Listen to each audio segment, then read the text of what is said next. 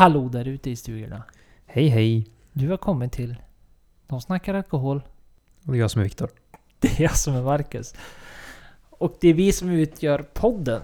Där vi pratar alkoholnyheter. Ständigt rörande ämnen angående alkoholhaltiga drycker och omvärldens nyheter. Nyhetsankare. Är det så? Absolut. Ja. Snart blir det väder också. Mm, du får snart hela spektrat av oss. Hur är det med dig? Ja men det är bra tycker jag. Nu börjar solen komma fram så nu blir man ju lite mer vårsugen och det är trevligt. Ja, nu är det till och med två helger, två helger i rad de har varit bort, bortskämd nog att kunna sitta ute och ta sig en liten drackare. Det är inte helt fel. Nej, det är för jävla gott. Så är det. Ja, absolut. Hur är det med dig då? Det är bra, det är bra. Det är samma här. Det är eh, fint väder, man blir glad. Och man håller sig frisk fortfarande. Jag tror jag sa det förra avsnittet också, men så är det ju också. Fan vad folk är sjuka. Oh ja, det är väldigt många som är och det känns som att det är långdraget också. Speciellt förkylningarna i alla fall. Ja, nej, så det är väl skönt att slippa det. Hur har dryckesfronten sett ut nu då, de senaste... Sen senast vi sågs? Det är ju en vecka nu. Ja, det har inte varit något superspeciellt. Och jag är i Stockholm i helgen igen. Och eh, jag blev, tror jag, egentligen bara ett, stopp på Ardbeg Embassy. Och där tog vi en Jämtlands bryggeriöl och en Ardbeg Day whisky. Och sen blev det även en gin och tonic på eh, baren på hotellet. Och då jag och min kompis var där på konsert. Skulle se Roger Waters. För de som bryr sig. Och eh, då tog vi en, en gin var och vi tog en Stockholms bränneri-gin och en Härnö Old, Old Tom gin. Båda väldigt goda. Mm, kul. Ja, väldigt kul. Du då? Eh, Jag har druckit ESB. Chockerande nog. Va? Ja, helt, Igen? helt otroligt. Hur många kapsyler har du nu då? Ja, det börjar bli en eh, del. Jag har ju... Nu har jag ju nästan slut. Jag fick ju en hoper öl. Av eh, min kära syster och hennes sambo som en present. Och de börjar ta slut nu. Jag fick väl en två, två lådor ESB med den gamla korken. För det, eller gamla kapsylen. Det var ju lite så jag fick den. Just av den anledningen. För att de hade lyssnat på min harang om just den katastrofen när eh, London... Inte London Pride. Fullers, när de gick Fullers ESB, när de bytte kapsyl från de här den blåa liksom, där det står ESB i vit text på, till en svart Griffin de har på allt annat. Så då skrapade de ihop några stycken av med den gamla kapsylen som jag fick. Så jag har haft väldigt lyxigt och druckit väldigt mycket ESB på sistone, så jag drack ESB igen. Och nu börjar de ta slut faktiskt, men kapsylsamlingen däremot, den ser väldigt, väldigt bra ut. Ja, inte helt fel det. Men ute i solen så tog jag faktiskt även en GT Oj. i helgen. Och det gör vi nu också. Jajamän. Det är dags. Det är GT-dags. Vi dricker GT. Inte till solens ära dock, men det skulle vi kunna låtsas som att det är. Det är ju sol ute fortfarande när vi spelar in, men vi sitter inte ute. Nej, det är lite... Fan, det kanske vi ska göra någon gång. Ha utomhuspodd. Vi drar ut hela riggen. Så blåser det, det ut som att man hör ingenting. Skulle vara trevligt. Ja, det tycker vi gör. Men eh, nu dricker vi annat. GT dricker vi fast är annan GT än den jag drack. Ja. Vi dricker Härnös gin. Den blåa vanliga flaskan som finns på de flesta system. Och en Ekobryggeriets tonic. Den med smak av granskott. För att få lite somrigt här. Och eh, det här är ju standard för mig. Jag är väl inne på min tredje Härnö ginflaska här tror jag. Inte idag. Men eh, sen man började dricka dem lite mer för jag, de... Det är min standard. Om jag ska göra en gin och tonic så tar jag nästan bara den. Sen kan det vara kul att ta något annat däremellan, men det är nog den jag kör mest på. Och Härnö är ju svenskt, för de som inte visste om det. Väldigt populärt. Vunnit många priser eh, för sådana bästa gin och liknande. Och eh, de är ju grundade här i Sverige 2011. Är ju grundad av eh, Jon Hillgren och som eh, då tillhör, ja, det ligger i Härnösand. Därav Härnö. Så lite högre upp i Sverige. Perfekt trevligt. Mm, och tonicet i detta är inte Schweppes. Det är ju tråkigt. Jättetråkigt. Ja, jättetråkigt för våra smaklökar. Utan vi dricker eh, Ekobryggeriets tonic istället. Och det är ju gott. Det ska de ha. Absolut. Och de säger själva att eh, de är Sveriges främsta ekologiska premium tonic. Och det är, det är stora ord. Det, Det kan säkert stämma. det, så är det nog. De, eh, de ljuger ju säkerligen inte. Sen om det är Sveriges främsta. Ja, men det, det kan man ju ändå... Det kan vi inte svara på. För vi, vi har ju inte provat alla, alla premium tonics direkt. Men eh, vi får väl lita på dem. Så, så är det väl. Ja, absolut. De gör ju ett gäng olika smaker också för den som inte har provat på. Så finns det ju med rabarber och jag tror det finns någon jordgubb och någon blåbär och sådär. Så det, man kan ju mycket roligt med en vanlig god gin och sen eh, köra en, eh, ja, en smaksatt tonic. För att inte ha en Schweppes med en citronskiva. Mm. Ja men visst, och de görs i Österlen. Också svenskt då, alltså. Görs i Österlen med ekologiskt socker och naturliga aromer, kolsyrat vatten och citronsyra, skriver de. Ja, men en tonic är tonic. Den är, den, är, den är bitter, men den är liksom god. Och rent utav de här smaksättningarna, det är väl de som gör det. Bra råvaror, bra gjort. Därför blir det väl jävla gott också. Det är väl inte konstigt? Nej, absolut inte. Jag gillar att ha några sådana här liggande i skafferiet som man har alltid en redo om man blir sugen. För man kan ju bli väldigt gin-sugen ibland. Ja, och den här är inte så jättesvårt att hitta heller. Utan eh, jag tror nog ni allra flesta som har en, ja men kanske lite större Willys, Coop eller City Gross eller Ica har väl också den här. Så att det går att hitta lite överallt. Annars går det naturligtvis att beställa eh, online på typ Mathem eller någonting. Men den finns nog att hitta där ute i butikerna. Absolut. Men gin har vi ju, vi har alltid pratat om gin som någonting som liksom alltid är... Jag menar en sido av för många av de här destillerierna som drar igång på något... Ja men med kanske andra ambitioner. Det kan vara allt från whisky till rom eller egentligen stort sett vad som helst. Men då har vi alltid pratat tidigare om hur gin är en av de här klassiska spritdryckerna som man gör under tiden. För att tjäna in lite pengar. Det är ju för att det är relativt lätt att göra. I alla fall för oss svenskar. Ja, och den behöver ju ingen större lagring heller. Och det är lätta ingredienser. Men Man behöver ju... Egentligen det som är viktigast är ju enbären. Som gör den här eh, ginniga smaken, eller man ska säga. Och sen kan man ju sätta in andra ingredienser som eh, koriander tillsammans med enbären. Och annars finns det ju frukter och som apelsin och citron. Och så finns det ju ännu mer du kan smaksätta för att få andra smaker, men det är ju det vanliga. Gin är väl någonting som ja, men har väl ändå en hyfsat lång historia, men har blivit lite på tapeten de senaste... Ja, vad skulle man dra till med? Fem åren kanske? Ja, jag tror det. Det känns som det blev väldigt populärt och det var säkert då en annan också fick upp ögonen mer för det. För innan så var man ju alltid gin och tonic. Det var Gordons eller Beefeater med en eh, Schweppes och en citronskiva. Alltid lite väl beskt och inte så Gott, helt enkelt. Nej, kvaliteten har liksom ökat lite grann och mycket på grund av de destillerier vi har fått i Sverige. Så, så är det ju. Jag, menar, jag tror jag nämnde tidigare, men jag kan nämna det igen, att när jag var på, på Ven destilleri och kikade in deras prylar så pratade vi just om hur populär deras gin blev, framförallt av danskarna. Så de blev ju nästan förvånade över hur bra deras... Mot, bra mottagen deras gin blev. Därför gör de ju mycket, mycket mer gin idag än vad de kanske trodde från första början. När man kanske såg gin som... Okej, det här är någonting vi gör. Tills att whisky och annat blev moget och bra.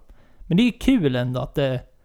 Det är väl den vägen det har blivit så populärt som det har blivit också för att folk har sett kvaliteten i det. Ja, absolut. Det har ju blivit mer en hantverk än en massproducerad grej skulle jag säga.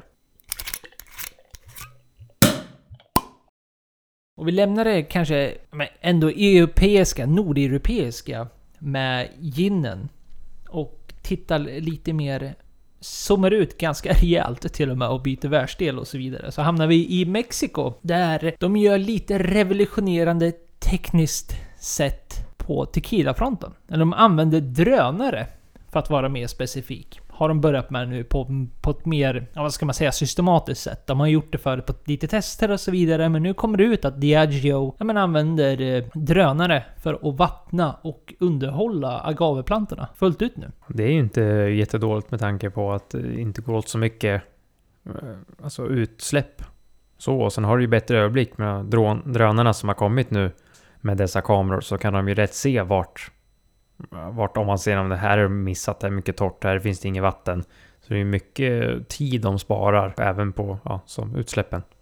Ja, verkligen. Det är någonting som om du är riktigt tequila borde jubla just nu. För det är ju... Diageo är ju världens största tillverkare av tequila, rent eh, generellt sett. Vi har pratat om Diageo förut, men vi gör det igen. De är liksom ett paraplyföretag, märke, som äger otroligt många varumärken inom egentligen vilken typ av destillerad dryck som helst, skulle man väl kunna kalla dem för. I det här fallet då så har de ju, eftersom de är världens största producent av tequila, rent generellt så har de naturligtvis väldigt otroligt stora agaveproduktioner. Det här blir ju naturligtvis jättepositivt, för jag menar, problemet man har haft förut är ju just det här med att det är svårt just för att det är så här stora. Jag vet inte, har, man, har ni inte sett en agavefält någon gång så har du, får du tid när du går på rast eller om du sitter hemma nu eller vad du än gör. Eh, googla på agave, en agavefarm. Kan man kalla det för farm? Eller? Jo, men jag skulle säga det. Det känns som att det är bönder som håller koll på det. Det är ändå växter som växer i stort, precis som träd eller vinstockar. Ja, agavefält kanske vi kan kalla det för. Ja. Och det är ju enormt mycket plantor i rad liksom. Och precis som egentligen vilken typ av grod eller gröda som helst så, så varierar det ju. Alltså vissa behöver mer vatten eller andra och det är liksom det, är det problemet man har haft förut. Att man har liksom behandlat alla fält som en och samma växt. Med det här så påpekar de framförallt just hur mer individuellt det har kunnat blivit. Alltså de kan sköta om agaveplantorna på ett bättre sätt för varje planta. För att få ut den bästa spriten. Ja, det är ju bara bra. Verkligen, och då är det... Ja men framförallt då för att spara vatten och sen liksom bara hålla koll på kvaliteten och... Oavsett, jag tror men man kan ju också dra det här och tänka ja men det är bara för att Diageo vill tjäna mer pengar. Bla bla bla bla bla. De vill dra ner kostnaderna på vatten och allt sånt och... Så kan det ju vara. Men samtidigt, ta inte bort det här andra. Att eh, vi som konsumenter kommer i slutändan få en bättre produkt för att det blir bättre planter. Och världen tjänar på att de använder mindre vatten för att eh, plantera de här. Och ja, det blir bättre förhållanden för för bönderna. För det är inte så att det liksom är mindre bönder, eller liksom bönderna på något sätt, eller producenterna dras eh, illa vid på det här på något sätt. Utan de, de har ju snarare bara tagit det här som ett ytterligare verktyg i deras arbete. Och så har eh, champagnehuset eh, Billecart Salmon tagit in ID-koder på deras eh, flaskor. För att du lätt ska kunna söka upp och se vilken årgång det är, hur mycket de har använt i socker och dosage och annat. Mm. Ja, men ett sätt att liksom bara kunna följa produkten, alltså den enskilda produkten. Det är inte som en neonkod eller något sånt där som är alltså en streckkod, utan det är liksom en individuell kod för den specifika flaskan. Ja, och de har ju tagit fram en om det är en app eller om det är en hemsida. Så är det nog mer en hemsida ändå. Men det är myorigin.billecart.fr Så kan du skriva in den här koden. Och då kommer du få upp väldigt mycket om vad det vad som var just den här flaskan och den här årgången. Utan att det står, för att det är ju på deras non-vintage flaskor. Så det står ju inte exakt vilken årgång det är. Men då har de ju större koll och det är större transparens Transparens. Ja, för att visa hur, hur de kan skilja sig från år till år men ändå hålla en hyfsat samma kvalitet. Och det tycker jag bara är bra. Det är ju lite det vi var inne på med Systembolaget, att de ska kräva sådana här QR-koder och det här är ju egentligen det folk behöver. Ja visst, jag ser också bara positivt på det här. Det, här är också en sån här grej, bara se att alla tjänar på det här. Alltså som konsument så tjänar du på det för att du kan ha, du kan ha koll du får veta mer om den drycken du äger eller den drycken du har köpt och var den kommer ifrån. Om den skiljer sig mycket från jag menar, en kompis eller vad det nu kan vara. Eller om du köper en samling med olika typer av vintages du kan sitta och jämföra. Och bara ren kvali kvalitetssäkring. Och liksom veta att okej, okay, vilken typ av standard har den här flaskan? Och det känner ju även de här som kanske, ja men kanske inte drickarna utan samlarna i någon typ av sälja vidare värde också. Just för att, ja men samma sak där. Du kvalitetssäkrar på något sätt och du kan liksom bevisa att det här är rätt flaska. För att din flaska har ett typ av nummer. Jag ser också bara positivt i det här. Ja, och det är ju inte de enda som har gjort det, utan det är ju flera olika hus och till, som håller på med sånt här. Och ett av dem är ju till exempel Louis Roderer, som eh, deras flaskor heter ofta ett nummer. Typ eh, Collection mm, 242. Och det är ju för att det är deras Harvest. 240 andra Harvesten. Och det är ju också ett sätt att veta om att ja, men den här var väldigt bra. Och då är det enklare att veta om det, ja, så redan innan, att just det här numret var väldigt bra. Men då är det ju ganska självklart på flaskan. Att det är just det här. Medan det här blir ju liksom de behöver ju inte tänka så mycket på att göra olika etiketter. Det enda de behöver tänka på är det här trycket på baksidan. Mm. Nej men det, visst, det är ju... Det tar ju säkert... Ja, men eh, det kanske är lite mer, tar lite längre tid och, och så vidare. Men i, i hela slutändan så tror jag att det här är någonting man tjänar på även... Men även producenten och tillverkaren själva. För det är rent logistiskt så blir det liksom, blir som ett artikelnummer fast liksom på... Ja men fast i, i dryckesvärld som liksom alla kan använda sig av på något sätt. Som blir individuell för varje flaska. Och den är... Ja men det, jag, jag tror det här blir svinbra. Vi har ju sett några stycken gå i bräschen för det här inom whiskyvärlden. Bruchladi, för att nämna främst på deras Ja men deras vanliga Laddy exempelvis, den turkosa så har de ju en eh, QR-kod. Där, där du kan skanna och så kan du läsa allting om vilken tunna det har varit och jag tror till och med man kan se var den har legat va, i varuhuset och grejer. Alltså det är ju... Jag har för mig att det är så. De har ju varit väldigt, väldigt transparenta med allt. Och det är ju, ja, det är ett steg bättre för att har du inget att dölja då, då är det här det sätt att uh, gå framåt på. Så jag hoppas att fler producenter och hus går efter det här. Ja men verkligen. Jag hoppas det här sätter en typ av ny standard. För jag tror som sagt när det här väl kommer i rörelse och det rullar. Då tror jag inte det kommer vara liksom dyrare eller mer komplicerat eller någonting. Även att producera så att säga. Och som rårakade entusiast så skulle jag kunna vara värd att betala på det här. Kan jag tycka. Till och med så långt skulle jag kunna gå. För jag tycker det... Ju mer information för konsumenten desto bättre. Absolut. Då kan man hitta den här lilla extra nördigheten i sig själv. Japanerna har varit på det igen. Som de ofta är med sina till synes från våra västländska ögon kan kalla för konstigt. Men det här är ju konstigt på riktigt. Mm, ja. Det det, vi pratar inte om uh, reklamer av olika slag och liksom talkshows eller... Det är inte talkshows, vad heter de där? När de är, går helt crazy. Ja, game shows. Ja, game shows. Så heter det. Utan det här är en servitör som har blandat drinkar. Och inte vilka drinkar som helst. Man kanske tänker oh, är det Bloody Mary? Nej, det är det inte. Nästan. Nästan. Men eh, det är servitör som har använt sitt egna blod i drinkar. Och det här är ju minst sagt spännande. Eh, ja, och eh, tanken går ju fort och bara hur tänkte du här? Vad vill du få fram med det här? Ja, det, det är väl säkert något psykologiskt fel bakom får man väl hoppas och tro. Att det inte är någon människa som tycker att det här var en bra idé. I alla fall under ett relativt långt tag verkar det som. Så han alltså kunnat bjudit på drinkar till sina konsumenter med, med sitt blod i. Ja men röda drinkar som folk inte riktigt har reagerat på tills att eh, det var på Twitter det kom ut. Ja, precis. Det man ska ta viktigt i det här är ju att den här stackars barägaren har ju fått tag i mycket skit på grund av den här personen som eh, då serverade. Så att eh, man måste ju tänka steget längre här för att det blir den här baren gjorde det här men det var ju inte baren själv utan det var ju någon ja, lite halvstörd person som höll på med det här. Men det är ändå lite, ja, vad man ska säga. Det måste ju ha varit en fetisch eller någonting som gjorde att det här, jag undrar hur länge jag kan komma undan med det. Ja, precis. Och hon har alltså använt det här. Det verkar ju inte heller som att hon gjort det i varje drink. Utan hon har ju, hon har ju varit lite... Hon eller han? Det vet vi ju för sig inte. Har ju varit lite smart ändå och bara använt det egentligen när det skulle ha varit sirapskolör på något sätt. Eller inte sirap, vad kallar vi det för? Men när liksom ska färga drinkarna det är då hon har passat han. Hon eller han. Jag vet inte varför jag säger hon för hela tiden, men det, det får väl jag stå för. Men hon eller han har då använt sitt egna blod istället. Så att det har ju varit lite... Det finns ju någon tanke bakom det hela känns det som. Det är säkert det enda sättet att komma undan med det om någon ifrågasätter vad, vad det är som är i. Om jämför som vi som dricker en gin och tonic idag. Hade någon droppat i sitt blod där hade vi nog fort reagerat och sagt ah.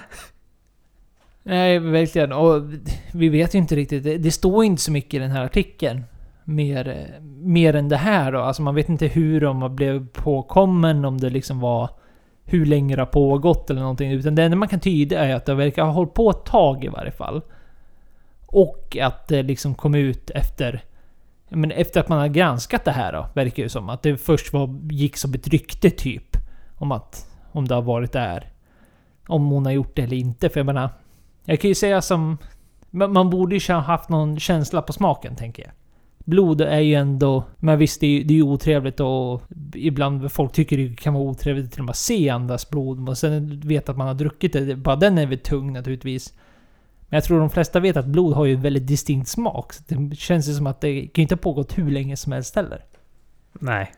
Men det är, det är sagt, det står inte så jättemycket i artikel. Det var mer en... Eh, för att det är ju ändå väldigt sjukt beteende och väldigt speciellt. Så man kanske ska hålla utkik efter vad folk har i drinken egentligen.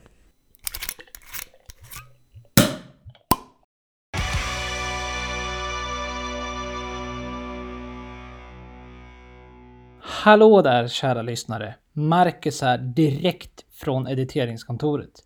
I kommande segment så diskuterar jag och Viktor Absolut Vodka och därmed Pernod Ricard som äger Absolut Vodkas val att börja exportera sprit igen till Ryssland. Det här är någonting som har uppmärksammats i flera, flera medier och flera, flera grupper och haft många diskussioner och vi berör också det här ämnet. Men i talande stund, några dagar efter inspelat avsnitt, så har de kommit ut och sagt att man inte ska göra det här. Att det har kommit ut att Absolut Vodka inte ska börja exporteras igen efter den massiva kritiken man har fått. Det är lite mer oklart vad som gäller för Pinot Ricard, men vi väljer att hålla det öppet också eftersom det kan hända väldigt mycket nu de, de här dagarna som kommer efter att vi har släppt avsnittet. Vi väljer dock att släppa det här avsnittet, eller det här segmentet snarare, ändå för att vi tycker att det uppehåller ett ganska intressant ämne i sig, utan det är inte bara så att vi fokuserar på Absolut Vodka, utan ja, men ämnet i sig kräver ändå en diskussion och en ganska intressant diskussion över hur den har varit nu den senaste veckan. Vi hoppas att ni är överseende för det här och som sagt saker och ting kan komma ändras nu efter att vi har släppt avsnittet. Men som sagt, det gäller alltså inte längre att Absolut Vodka ska inte exporteras igen. Så får vi se vad Pernod Ricard kommer ut och säger efter det. Men det är det som gäller nu.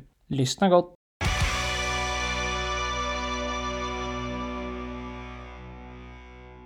Och vi måste väl ändå beröra, vi som håller på med nyheter och vi har, så det här är ju ingen nyhet längre.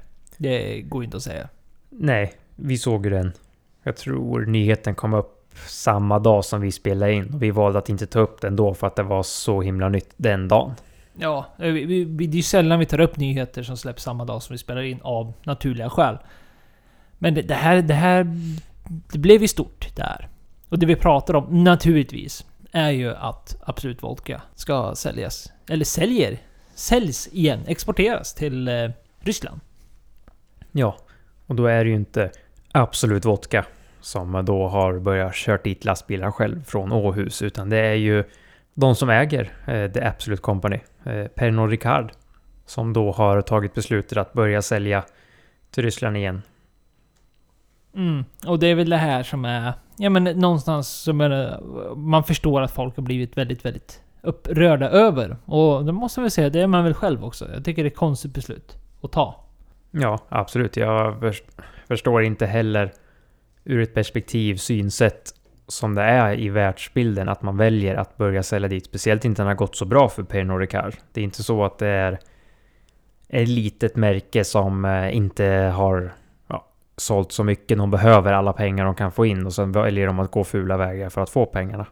Ja, det är väl där det här någonstans. Det är väl det här ston klämmer. Alltså jag tror det, jag tror det är få som ser det ur den, den moraliska sidan rent eh, på det sättet. Utan jag tror det snarare handlar om att folk ser den här girigheten som det framkommer som. Som ett, som ett stort problem. Vilket det också är. Ja men skevt helt enkelt. Att man tänker att varför, varför tar de ett sånt här beslut just för att det är Pernod Ricard. De äger väldigt stora, stora mängder stora drycker. Det är inte bara så att de har många brands i deras portfolio. Utan det är många av dem är ju såna här riktiga, riktiga massiva produktioner som gör ja, mängder av, av sin dryck. Där Absolut är en utav dem. Ja, precis. För att nämna några märken bara för att man ska få den här hel, helbilden av vad de faktiskt äger. Så är det ju Royal Salute Chivas Regal. Som nästan alla har sett på något systembolag eller på taxfree. Även det Livit och Jameson Whiskey. Sen har de ju Absolut. Som vi då pratar om just nu som är på tapeten just kanske extra mycket eftersom vi är i Sverige också. Så har de Martell, Konjak, Wild Turkey och Jacobs Creek. Och även Havana Club. Ja, det är väl de som är värda att nämna sådär, precis som du säger. Det. Några som, till sådana där som är, men kanske inte, kanske inte de vanligaste man sitter och findricker, men Malibu exempelvis, som är en sån här klassiker som är med i otroligt många drinkar och många barer där ute. Så jag tror, skulle många sluta med den, dels så skulle man inte kanske kunna göra så många drinkar. Men eh, det, skulle, det skulle nog kännas faktiskt. För att det, det tror jag är mer en sån här, ja men ute i bar, barerna. Ja, absolut. Och det är ju även, för de som inte vet, så gör ju de även Beefeater Gin, eller de äger ja, under dotterbolag tror jag, som äger Beefeater Gin. Och även Mintu, som jag tror många har hemma i sina skåp. Ja, precis. Och Kalua, en sån här kaffelikör. Som är också känd för att vara i många, många drinkar. Så de, de äger ju återigen väldigt många såna här stora. Och jag, jag menar, av, av de märkena, om man kollar själv nu då, av de man kanske själv är en del utav, så är det väl... Ja, men Glenlivet kanske inte är en personlig favorit rent whiskymässigt sådär, men det är ändå en av världens mest sålda whiskys. I alla fall i USA tror jag det är. Men... Eh, eh, scotchen då, ska sägas. Men eh, annars är det väl Abelaur. Abelaur. Som är en, ja, men en riktigt bra whisky som gör många olika typer av uttryck. Och sen är det väl Del Maggi som... Del Maguey. Del Maguey. Nu kommer vårt uttal där som är helt bedrövligt, precis som vanligt. Men eh, kan man eh, sina agave, agavedrycker så är de väldigt kända där för att vi har något så medium mescal. Där liksom, ja men relativt tillgängligt, inte alldeles för dyrt, men som har väldigt speciell smakprofil också som är en utav de rökigare eh, mescalsen där ute. Som, ja men, ska man nu gå hela den här vägen, som också är värd att nämna, är att det räcker ju naturligtvis inte med att bara bojkotta Absolut. Utan då måste man ju bojkotta Pernod Ricard. Ja, lite så är det ju. Och då är det ju väldigt många drycker som blir berörda. Och då gäller det ju att tänka på att inte gå på de här stackars destillerierna egentligen. För att jag tror inte att de har så mycket att säga till om. Vilket då absolut, som är i Sverige, ett av dem. Så inte folk står utanför och äggar fabriken. För jag tror inte att det är de som har sagt att ja, vi vill sälja mer där. Nej, precis. och Det tror jag våra smarta lyssnare förstår också att det här är mycket större. Även om det är mycket som fokuseras på, absolut. Och det tror jag också jag förstår varför. Just för att Ryssland är en sån enorm stor import av vodka. Av, av alla dess slag. Alltså det, det dricks ju otroligt mycket vodka i Ryssland. Det tror jag de flesta vet. Men det är ju Ryssland, det är Polen, det är de här baltiska länderna. Det där är ju vodkan som är mest populär.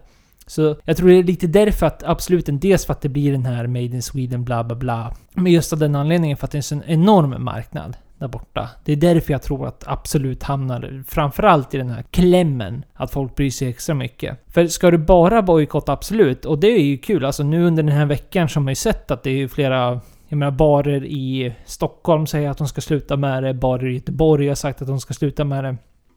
Och visst, jag tror, alltså allting hjälper ju. Men Absolut i sig, de känner ju säkert fortfarande mer Pernod Ricard. Alltså det här är bara en ren gissning, men av mängderna man vet att exporten är och mängderna vodka de dricker i Ryssland så skulle de ju fortfarande tjäna på att bli bojkottade, absolut alltså, här i Sverige och i andra europeiska länder om de bara har kvar marknaden, in, marknaden i Ryssland. Det tjänar de fortfarande på, på en ekonomisk skala skulle jag tro. Och jag säger kvalificerad killgissning nu.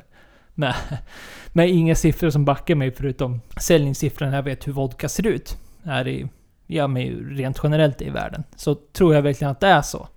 Så ska man göra någonting som verkligen svider, då är det ju de här andra dryckerna som Pernod Ricard äger i sin, sitt paraply ifall man ska få dem att sluta exportera till Ryssland.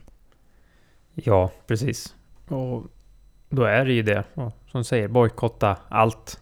För att eh, visa, visa att man eh, bryr sig om det här.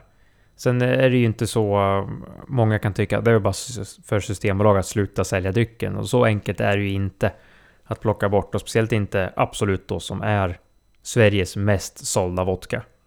Det är ju väldigt svårt att plocka bort den och sen vet man att det finns folk där ute som inte bryr sig så mycket eller som inte uppdaterar i nyheterna. Men det är ju ett hårt slag överlag att de börjar med det här igen. Och jag tycker ändå, jag sa ju det tidigare, men säger det igen att gå inte på de här stackarna som jobbar på destillerierna eller liknande. Och skäll på dem eller deras representanter. För de har ju in, inget med det här att göra på det sättet. Men det är, det är ju tråkigt. Det är nog inte roligt att jobba där just nu skulle jag tro. Nej, och så får man väl se hur länge det här är. Jag menar, tyvärr i modern tid, som jag tror de flesta också vet när det väl kommer till nyheter och sånt där, att det, det mycket blåser ju över. Det är ganska fort numera.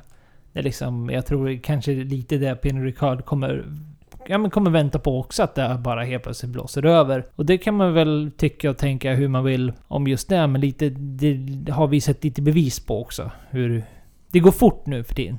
Det kommer komma något annat och så kommer folk att glömma bort det här om en månad. Och det är väl det de hoppas på. Och tyvärr så tror jag även att det är det som kommer hända. Ja, med tanke på hur mycket det har skrivits om i medier i Sverige. Alltså Expressen, Dagens Industri, Marcus Oskarsson och Aftonbladet. Men det, jag har inte sett en enda utländsk tidning skriva någonting om det här. Som en stor nyhet på något negativt sätt. Nej, nej men så är det ju. Och det kommer nog variera. Så får vi se. Jag menar, det, redan bara nu när vi... Samma dag som vi spelar in nu så går de ut och säger att odlare inte vill sälja sitt spannmål till Absolut. Och jag försöker göra en bojkott den vägen. Så det... Nej men det, än så länge så är det ju fortfarande i tapeten, även om det känns som att nyheten... Det, det är ganska sjukt att nyheten kom ut för en vecka sedan, men den känns fortfarande gammal. Den känns redan gammal på något sätt. Även ämnet i sig, alltså misstolka mig rätt här. ämnet i sig är ju fortfarande på tapeten och fortfarande spännande, men som en nyhet så liksom har ju den nyhetsvirvlet, så att säga, det har ju gått över. Utan, men ämnet är ju fortfarande intressant att följa och se vad, vad, vad det här slutar i. Och jag hoppas att det slutar i att det är något, alltså folk tar väldigt, men gedigna, stora beslut. Som, som de här barerna har gjort i Stockholm och Göteborg. Att man slutar sälja dem helt. Mm. Och lite så, och inte beställer hem mer. För att visa att nej, vi, vi står på rätt sida. Mm, visst. Och som sagt, du som privatperson måste ju då ta någon typ av... Antingen är det ju sån där som du bryr dig inte överhuvudtaget. du, du skulle inte kunna bry dig mindre. Eller så är det en sån där som kanske velar och tänker att ja, men vad, vad, vad, vad gör ifall jag slutar köpa eller någonting sånt där. Det är väl skit i. Men eh, ja, oavsett vad du tycker. Eller så är det en sån där som är jätteinsatt nu och tänker att nej men nu kommer jag bojkotta Pinot Ricard för all evighet. Men, men ska vi highlighta något så är det väl det, det du har nämnt att liksom försök se det stora från Pinot Ricard. Även om man naturligtvis någonstans måste ha någon balans där. För jag menar, hur ska man, hur ska man kunna nå fram till Pinot Ricard? Ett, en del av det är ju faktiskt att ta dem som står ja, men inom deras paraply oavsett om det är någon annan arbetare än vad någonting kan vara. Men ja, det är en svår balans att hålla ändå. Ja, och det är ett väldigt känsligt ämne. Och jag vet, jag har sett på sociala medier någon som skriver att de tycker att alla på Absolutfabriken ska gå i strejk. Och det är ju absolut ett sätt för att visa att vi stöttar inte det, men med det paraplyt Pernod Ricard har så skulle jag tro att de bara skifflar in några personer som inte bryr sig överhuvudtaget och fortsätter producera.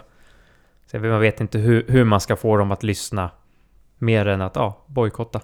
Ja men exakt, och då hamnar man in i det samma debatt som Systembolaget för, förhåller sig till. Just så att man kan tänka att, ja men, ja men som du var inne på förut, varför slutar inte bara Systembolaget sälja deras produkter? Men det är, det är mer komplicerat än så också. Som de har kommenterat den här, det här ärendet är ju Ja men säkert inte fel från deras synsätt heller, utan det de har gjort, det är ju, det, deras val har ju varit att sluta importera saker från Ryssland. Det är ju ett beslut Systembolaget tagit. De importerar inte saker från Ryssland längre. Det är så de väljer att ta. Men de kan ju liksom inte basera ett import, importera en vara för att det, det huvudägarna exporterar sin vara till Ryssland. Alltså det blir ju väldigt, väldigt konstigt även om det känns som att det kanske är ett lätt beslut så jag menar, djup, dyker man lite mer i det så förstår man att det inte är jättelätt heller.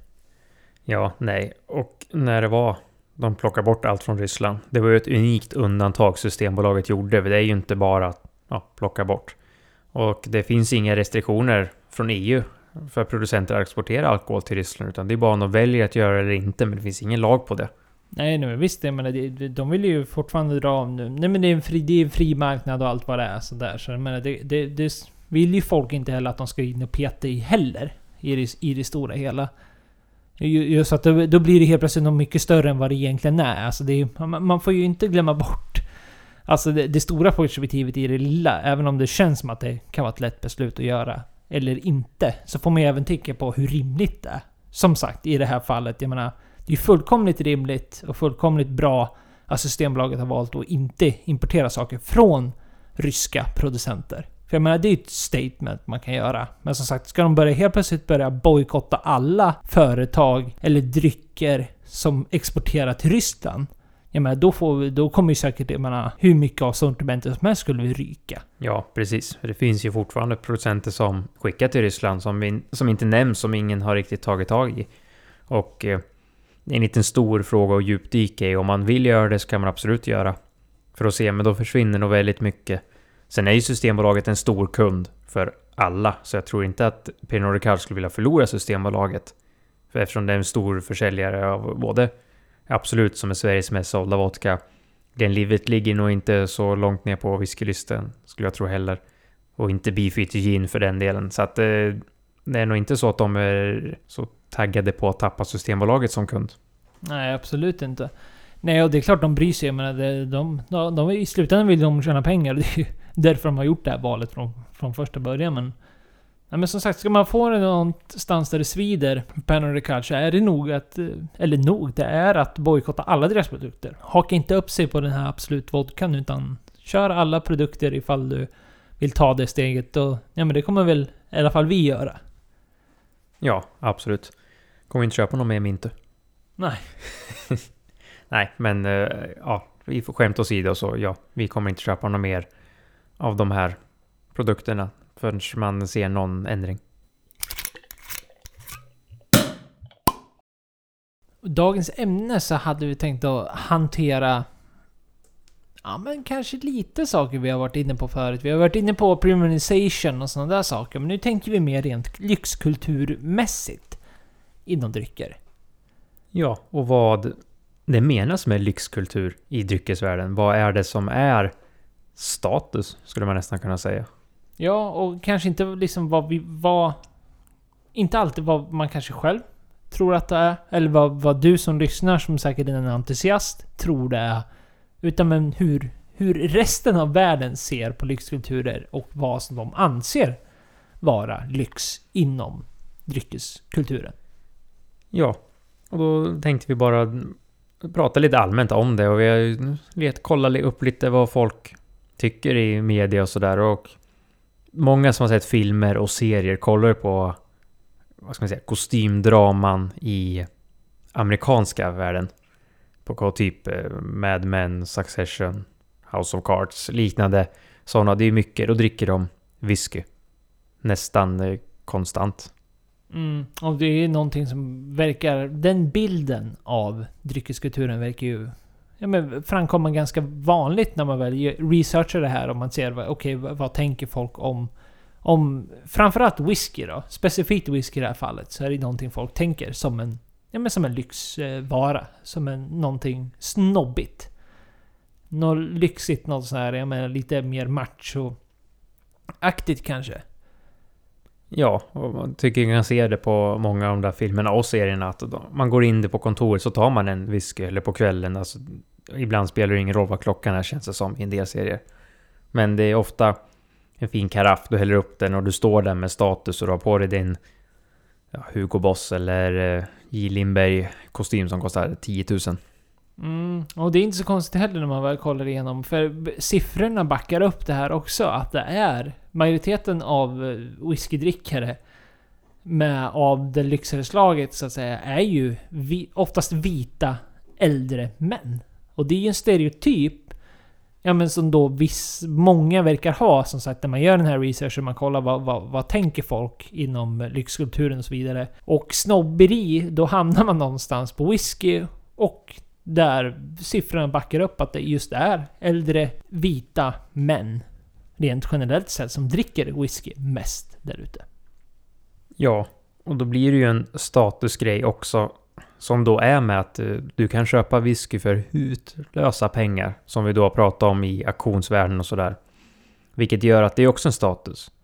Som i många kanske har sett i filmer och serier så drar de ju fram en typ Macallan. Är ju faktiskt den som känns som de dricker mest. Ofta säger de Macallan 18, 25, 30 eller något liknande som kostar jättemycket att köpa en flaska av och eh, jättemycket på krogen, vilket gör att det är en statusgrej att du köper just den drammen. Sen finns det ju flera olika andra också, men det är väl den som tror jag nästan droppar mest. Om det inte är Bourbon Pappy Van Winkle. Ja, och sen har ju whisky blivit någonting som har verkligen blivit det här med att ålder har en betydelse. Även om vi som entusiaster förstår att det försvinner mer och mer ju mer nasar du får och ja men ju mer inbiten du är så inser du nästan tvärtom. Ja, men vi pratade om en Glen Scotia som var fem år bara för jättekort stund. Eh, för bara några avsnitt sen. Och man får den här verkligen inlevelsen om att ålder är ju bara någonting som... Ja men den yttre världen ser på någonting... Något spännande. Och så är det ju tydligen fortfarande. Eh, visar det sig ganska tydligt att det är någonting som man kanske har hört med, men det kan vara bekant eller någonting som kanske inte är så besatta av whisky. Då pratar man kanske om en 18-årig whisky. Som en 18-årig whisky. Alltså du pratar inte om vilket typ av märke det är, eller vad det nu kan vara. Medan, jag menar, vi och säkert du som lyssnar vet att det är en jädra skillnad på en Glenfiddich 18 år och en Macallan 18 år. Sherry Cask. Det är ju fortfarande 18 år som 18 år. Fast prisskillnaden är ju hutlös däremellan. Därav visserligen kvaliteten också. Men det är snarare att man pratar om whiskyn som en 18-årig whisky. Snarare om att vilket märke det är, det är skitsamma. Det är en 18-årig whisky. Ja, och då drar de ju fram oftare att de, som du säger, 18 whisky. Och sen namedroppar de ett namn som alla kan. För att det ska sticka iväg ännu mer. Det är ingen som kommer och säger ja, jag drack en femårig Glen Scotia. För det är ingen som kanske eh, bryr sig så mycket. Inte i de här termerna vi pratar om nu med lyxkulturen. Utan då är det ju just de här egentligen stora märkena. Det är inte så många små märken som blir lika mycket namedroppar tycker jag. Även om man märker att en del av de här som kör mycket Visk och sånt har börjat hitta mer på mindre destillerier och independent bottlings och sådär. Och det är kul. Men det är ju fortfarande de stora märkena som ja, hovar in den mesta publiciteten. Ja, precis. För det, återigen, det här är ju alltså sett utifrån. Alltså bortom entusiaster. Det här är egentligen kanske motsatsen av entusiaster. Utan det här är liksom vad, vad allmänt folk ser på dryckeskulturen.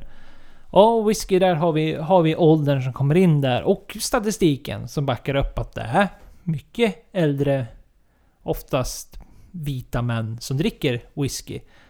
Men en till sak som dök upp var ju just rika människor. Att rika människor, visst man kan kanske tänka snobberi och rika människor, det hänger väl naturligtvis ihop. Framförallt om vi pratar om eh, lyxkonsumtionen. Men det verkar som den ren allmänna konsumtionen också har tydliga siffror på att det är rika människor dricker mer alkohol, rent generellt sett. Det är väl det att eh, kollar man vad, vad har man mycket pengar och inte vet vad man ska lägga det, då lägger man det på någonting dyrt. Och även när du går på krogen, man ser de köper in ett glas, en drink eh, eller en flaska och då finns det ju även viner och champagne som då kommer in där i den här lyxkulturen. Vilka viner är det man dricker till maten och vilka champagne är det man tar fram? Det är väldigt sällan det är någon lite mindre utan det är ju ofta en Dom Perignon eller Kristall som de kör med alternativt som något av större champagnehusen. Moët till exempel. Ja, och det, jag tycker det blir bara så svårt att avgöra liksom vad beror det här på? Är det, är det mer rika människor som dricker mer alkohol rent generellt sett? För det gör ju naturligtvis att den här statistiken blir ju lite mer skewad naturligtvis. Men man vet ju inte heller vad det beror på. De, de, det, förekommer inte i den researchen vi har gjort. Eller de artiklarna jag pratar om nu. Så förekommer inte det. Varför? Varför det är så är det för att de har mer tid, kanske. Alltså att man kan sitta och dricka mer vin på en vardag. Luncher, allt vad det är för att de inte behöver förhålla sig till ja, men jobb och det kanske binder in sig till den här sociala aspekten där bakom. Att man kanske har barnskötare och men yada yada yada som gör att de har tiden och möjligheten att dricka mer alkohol. Eller rent generellt sett bara av den här snobbiga liksom... Ja men att det ska se Liksom lyxigt ut eller det ska vara den här typen av... Ja, men man beställer in något dyrt. Bara för sakens skull. Eller är det bara rent generellt sett Alltså att man har pengarna, därför köper man mer alkohol. För det vet vi också alla att man kanske drar ner, framförallt i de här tiderna. Jag menar, man behöver inte sticka under stolen att det är tuffa tider för den generella svenska familjen exempelvis. Och då kanske det är alkohol är någon av de första sakerna man börjar dra ner på dryckesmässigt, eh, rent generellt sett, för att spara pengar. Så att det, det är många aspekter som faller in i det här och man vet ju inte riktigt vad, vad man ska göra utav det. Nej, det är väldigt svårt faktiskt. Bara se, men eh, man går ju på hur man ser. Jag tycker ändå att det känns som det är någonting att visa att man har pengar. Köpa in sånt där. Och det kan man ju märka i större städer också att det är ofta en hink med champagne eller en stor eh, skål med fullt med is och öl för att liksom visa jag bjuder allihopa. Och det lyckas med att visa jag tjänar bra pengar, jag har status. Men jag vet inte. Eh, om det bara är en grej för att show off eller är det så att de har så mycket pengar så de går och köper automatiskt för att bara för att. Mm, nej, det kanske är en blandning av allting i slutändan. Men sen är det också intressant tycker jag när man väl ser den här, återigen, ska nämna det igen, utan det här är alltså hur folk utifrån ser på alkoholkultur och lyxkonsumtion då. Och då kommer vi ju alltid landa i champagnen. Men innan champagnen så vill man ju landa i vinvärlden. Det är lite intressant, för där ser man snarare Alltså det som kanske är, egentligen är den här lyxkonsumtionen, för jag menar oavsett om entusiast, du, då fattar man ju att vin är ju liksom... Det är lite av det här crème eller crème på det sättet så att det... Det finns ju otroligt många olika producenter, det finns otroligt mycket att tillgå och det finns mycket som är riktigt, riktigt dyrt. Så att det är svårt om du inte liksom inbiten i priserna vad en flaska rött eller ja, egentligen vilken flaska som helst av vilket typ av vin som helst. Men det är ju otroliga pengar. Men det känns som att folk inte riktigt fattar det här, liksom så här, vinsamlingen i sig, den stora vinsamlingen. Som att oj, vad mycket pengar de har. Utan här verkar det snarare som att man tar det som något mer snobbigt. Snobbkulturen. Alltså då inte nödvändigtvis det här snobbiga eller det här lyxiga att oj, de dricker något gott. Utan snarare det här nästan irriterande. Att folk tycker det är irriterande att folk sitter och dömer andra beroende på vad de dricker för vin. Och man har väl den här bilden av att det liksom är de sitter i någon vinklubb liksom och smuttar och liksom så pratar och för anteckningar liksom. Det, det är en liten intressant perspektiv man får där, hur vin glöms bort i den aspekten utan mer ses som något ja, irriterande eller nästan snobbigt av den sortens grejen snarare än pengarna. Ja, och det kan jag absolut hålla med om. För det känns som att många bygger ett vinrum och köper vinkylar och ska ha viner hemma när de kanske egentligen inte är så intresserade av viner som vi som entusiaster är. Som gärna skulle vilja ha de där rummen eller källarna och kunna fylla på och leta på nya sorter och prova sig fram, ha lite provningar utan mer att ja, jag har där, kolla vad jag har, kolla vad mycket jag har och sen köper de bara lådor eller styckvis hittar någon liten vingård de köper lådor av. Och det är absolut inget negativt att man går in på mindre vingårdar och köper upp av dem istället för att bara köpa de här stora Bordeaux och Bourgogne-vinerna bara för att man kan. Så det kan jag absolut tycka är en positiv sak i alla fall. Sen kanske de inte avnjuts på samma sätt som det skulle göra hos andra. Nej, men jag tycker verkligen jag känner igen mig i det här. Alltså man börjar garva lite när, liksom, när man landade och läste lite i det här. Hur, hur folk ser på, återigen, eh, drycker och kulturen inom lyxkulturen så att säga. Och det här kommer upp som en irriterande del. För jag kommer ihåg, så tänkte jag också tidigt i... Jag menar, även om man varit intresserad av drycker väldigt, väldigt länge så tänkte jag så också att nej men jag vill inte bli den där som sitter liksom ja ah, men det här luktar farsans skosnören.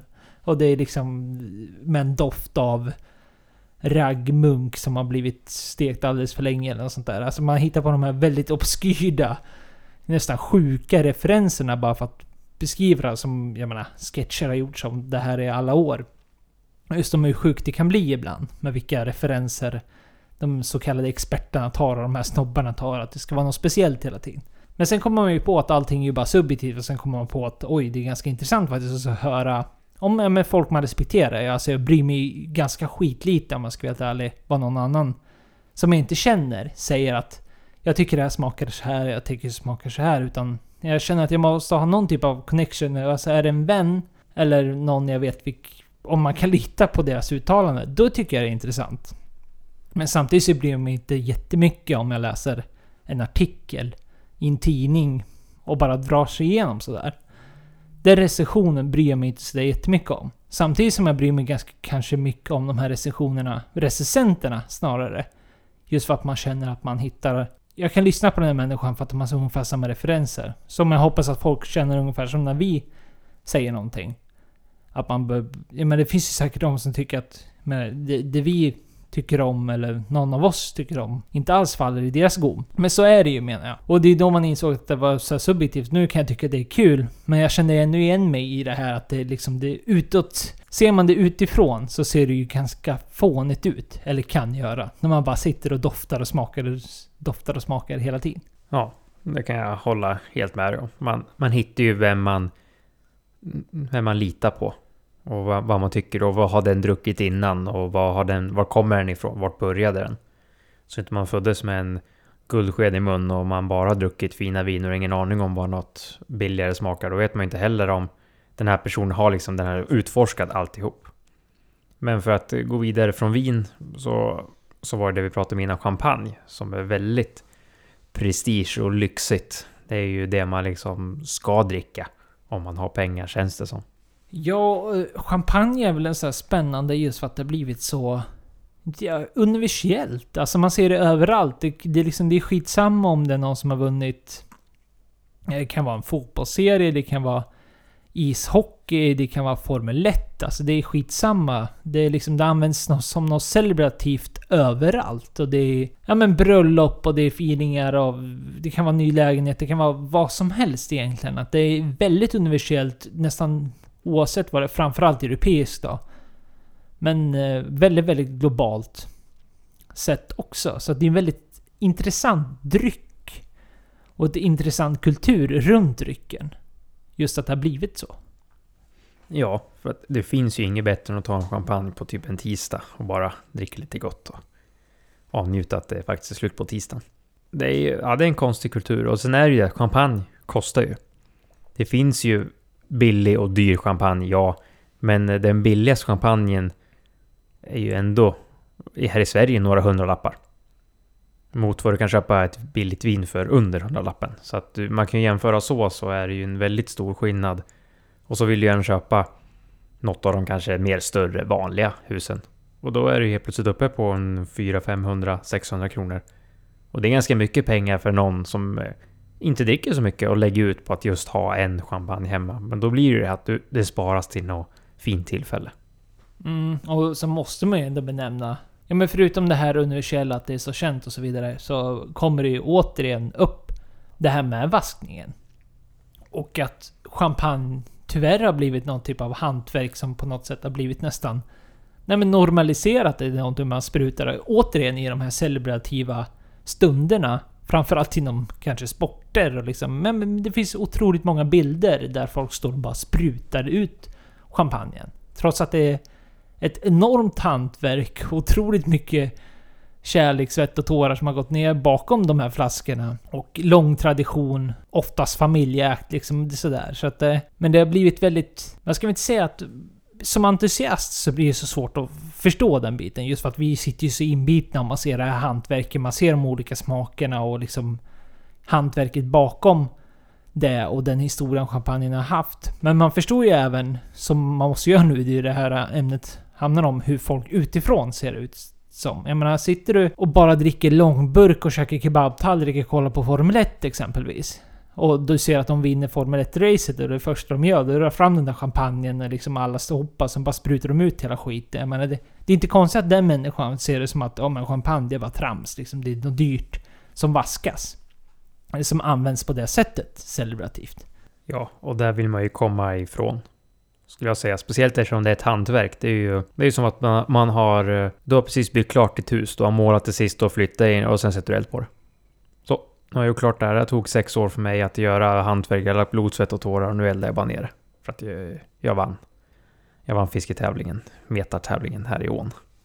Nej men visst, återigen, men liksom så här, som entusiast så blir det svårt att se, men det är ju konstigt. Alltså det är mer det här hur det har kommit till den stunden. Att det har blivit så normativt att man ja, men, beter sig på det sättet. Just med vaskningen. Och då är inte vaskningen bara sådär att man celebrativt sprutar med den, men även ja, men det klassiska som också har gjorts hundra sketcher om.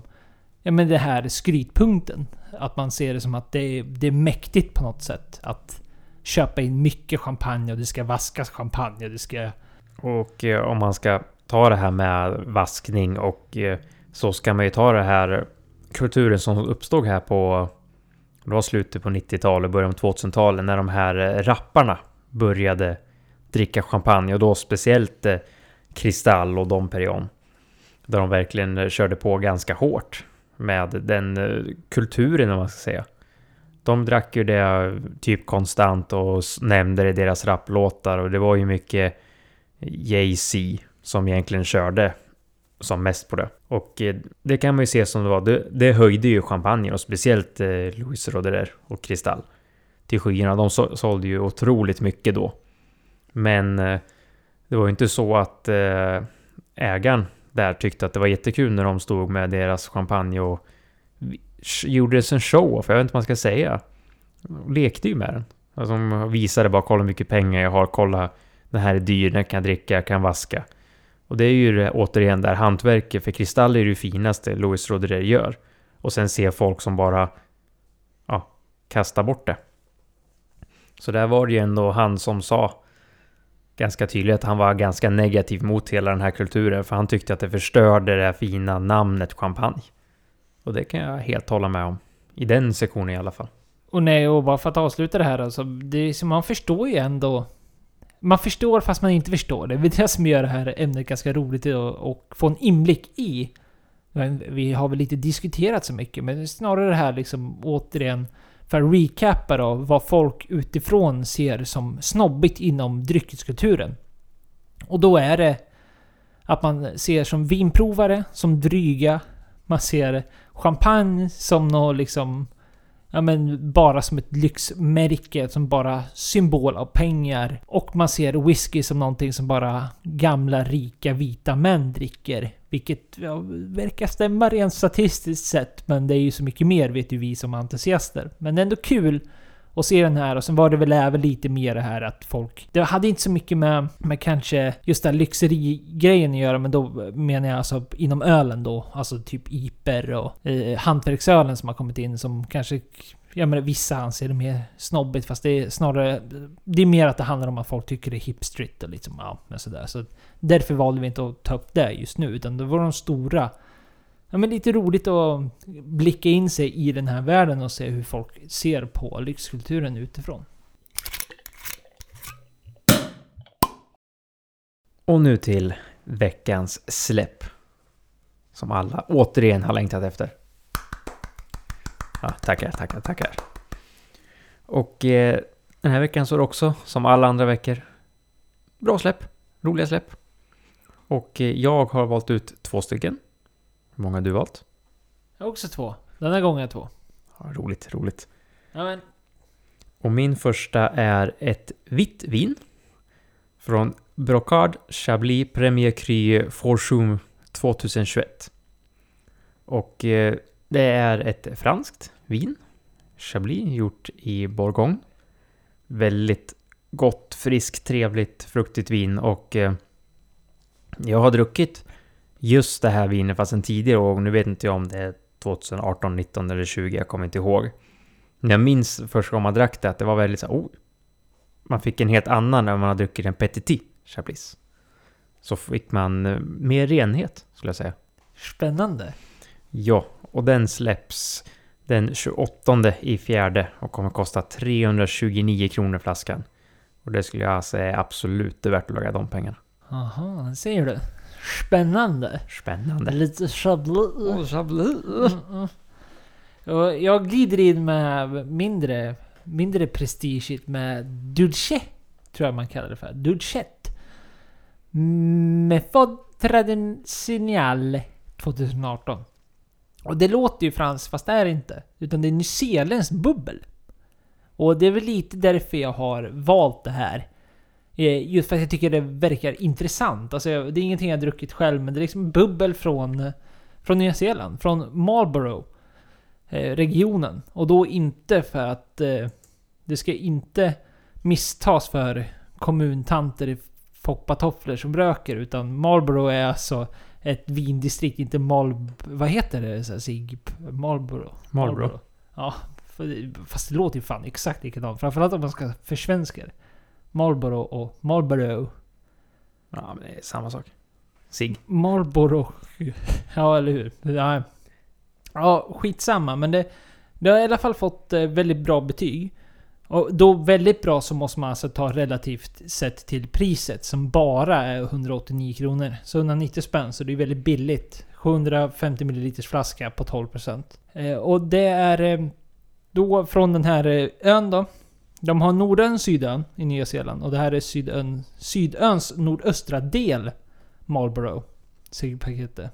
Som inte är ett ciggpaket utan vindistrikt. Och producenten är Villa Maria Estate. Som grundades 1961. Alltså, allt vin egentligen anses ju så vara modernt. Man pratar ju om eh, Nya Zeeland som en del av den nya vinvärlden. Så att det är oftast väldigt modernt. Så att det här är alltså väldigt... Alltså relativt sett till det som kallas för modernt så är det alltså ganska gammalt då. 1961 i, i Auckland. Och första årgången kom eh, 1962. Och sen, sen 70-talet så har man liksom expanderat och idag är de över 250 anställda. De satsar på mycket ekologiskt och... Ja men kul! Att prova på. Och det här är väl ett vin av det jag kan hitta i researchen som serveras ofta på så här New Zealand Air och grejer. Man kan få om du, du flyger typ first class och grejer. Så att de verkar vara ganska stolta över det. Och som sagt, betygen har varit ja, men bra. Alltså helt okej för den här prisklassen. Så att nu när solen börjar titta fram, du kanske vill prova något annat än en kava. Men du vill fortfarande inte punga ut pengarna för en eh, champagne eller liknande. Så ja, men varför inte för skojs skull prova ett nyzeeländskt bubbel för 189 kronor. Som startar säljas den 28 fjärde. Låter inte helt fel det där. Men eh, är det så att man har extremt mycket mer pengar på sig och vill eh, lägga lite mer pengar, som då betyder mycket mer pengar, så kan man ju köpa Louis Roderers Kristall 2015, som då också släpps den 28 fjärde. Jag tror du skulle säga limpa Marlboro. Ja, det är typ samma pris. Men den kommer släppas och kommer då gå in på den lilla prislappen 2659 kronor. Och då är det nog många som hajar till och säger ja, nej, nu har han ute och cyklar igen och han druckit för mycket. Men eh, det här är ju faktiskt en väldigt bra champagne. Och 2015 eh, tror inte jag kommer vara någon dålig årgång heller. Då just Louis Roderer inte släpper kristall i alla årgångar, utan de släpper bara när, när de har en bra skörd. Och eh, nu har ju priset stigit upp rätt mycket och det har vi pratat om tidigare med att eh, många priser har stuckit iväg och just champagne. Så det är ju tyvärr lite tråkigt på det sättet. Men jag tror att det här är ju en champagne för att spara. Så har du kapitalet att köpa en och lägga undan på det vi pratade om tidigare med just ja, att eh, spara till ett speciellt tillfälle man firar in någonting. Då är det ju här en champagne du ska öppna för det. Och inte vaska. Och som sagt, det är ju Louis Roderer och de har ju hållit på sedan, eh, Eller domänen har hållit på sedan 1760. Så att de har ju hållit på ett bra tag och många känner igen eh, vinhuset. Eller champagnehuset kan man säga. Men det är en... Rekommenderar starkt om du vill lägga mycket pengar på en champagne så skulle jag nog sitta och hålla, hålla tummarna att man får den. Mm. Det kanske man vill. Ja, släpps också 28 i fjärde. Alright. Min eh, sista och eh, avsnittets sista får bli Pomologik Åkerö. Som är en cider. Och Pomologik kanske du hajar till. De, har, de är på återseende. De har nämnts här förut. När de släppte sin Come Together igen.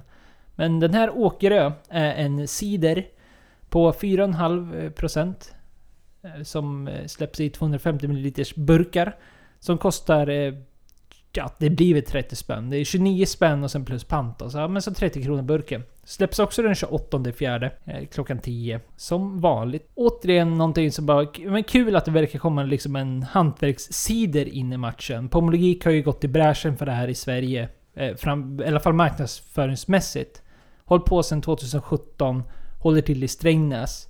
Och eh, de kör på sina äpplen. Eh, Förutom cider så kör man äppelmust, iscider och äppelsprit av olika sorter och vinäger. De håller hårt med sitt, eh, sina äpplen och det är kul att det liksom kommer in några experter inom det här området och framförallt cider som man vet ändå är väldigt, väldigt populär dryck. Ska ju sägas. Och det är kul att det börjar komma hantverkscider som är ja, men, någorlunda bra för plånboken också.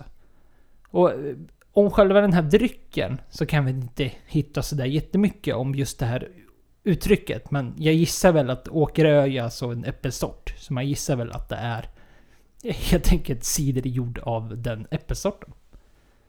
Men ja, oavsett. Det är kul att se eh, hantverkscider komma ut för... Eh, oavsett om du är ciderälskare om du bara vill prova på något annat. Framförallt eh, kan det vara gott att nu när solen tittar fram med en kall cider och bryta av allt annat gott med. Ja, det låter inte helt fel det heller. Och det var det där. Det var allt. Det var den veckan det. Äntligen Och- slut. Och som vanligt så fick du höra våra svindåliga uttal som du som vanligt hittar varje måndag på våra sociala medier så får du en bild på och artikelnumret om du till och med vill ha så mycket lättare. Eller artikelnummer är det inte, men systembolagsnummer. Eller vad fan. Ja, deras artikelnummer. Deras artikelnummer, ja. Men vi tackar återigen för att du lyssnar och för att du delar med dig till folk. Andra entusiaster då, folk du tror skulle kunna uppskatta vårat trams. Ja, och eh, som vanligt har du några funderingar bara att du hör av dig på eh, kontakt eller skriv till oss på Instagram eller Facebook med samma finurliga namn. Au revoir! Bye bye!